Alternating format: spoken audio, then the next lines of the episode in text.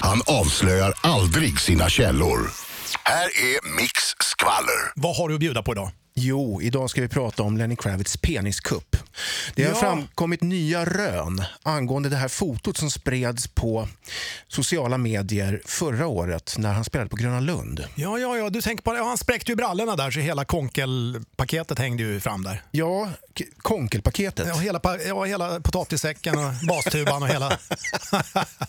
ja, vad, är- vad, är- Exakt. vad är det som har framkommit här nu då? Jo, nu har man granskat de här bilderna li- lite närmare samt fått lite insiderinformation från hans läger, så att säga. okej. Och där har det då framkommit att det var inte hans riktiga penis Jaha. som syns där på bilderna. Aha, ja, han var ju tämligen välhängd i alla fall. Ja, det var så man uppfattar det i alla fall. Ja, ja. Men nu har det tydligen framkommit uppgifter som gör gällande att den här lilla penisringen som man kunde skönja längst in på... Satt den inte i roten, alltså omfamnar inte både penis och pung? Så att säga? Jo, det var en avancerad historia där. Ja, ja, okej. ja. Och det hela går alltså ut på att det är en attrapp som han har fäst på sin, i vanliga fall, lilla penis. Okej. Mm. Jaha, så den, ja, liten då? Alltså, så, ja, en liten tumme eller något liknande? som han- Ja, ah. antagligen så är det väl så att det har gått rykten om att han har en liten penis.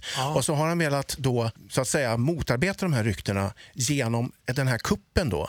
Så att han hade alltså eh, kardborreband fram där gylfen sitter. ja, ja, ja. Och så gick han ner på knä Ja. och spretade på benen. Just det. Och då gick det här kardborrebandet upp Ah. så att det här jättepaketet som man tyckte Ja. åkte ut Just det. och så att säga mot, skulle motverka det här ryktet som man hade ja, fått jag att det var en förstår. liten penis. Jag förstår. Ja, det där är ju ett, det är ju ett känsligt ämne för många människor. Det där. Liten Ja, kuk, det är ju- många män. Ja, precis. Okej, ja, men det, det var ju ett jävligt intressant rykte det här. Mm. Och om det är sant, det vet vi inte. Anything can be true. Mhm. Or not.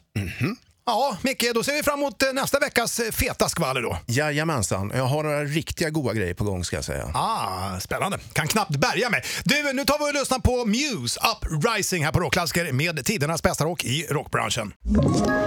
Ett poddtips från Podplay. I podden Något Kaiko garanterar östgötarna Brutti och jag, Davva, dig en stor dos skratt.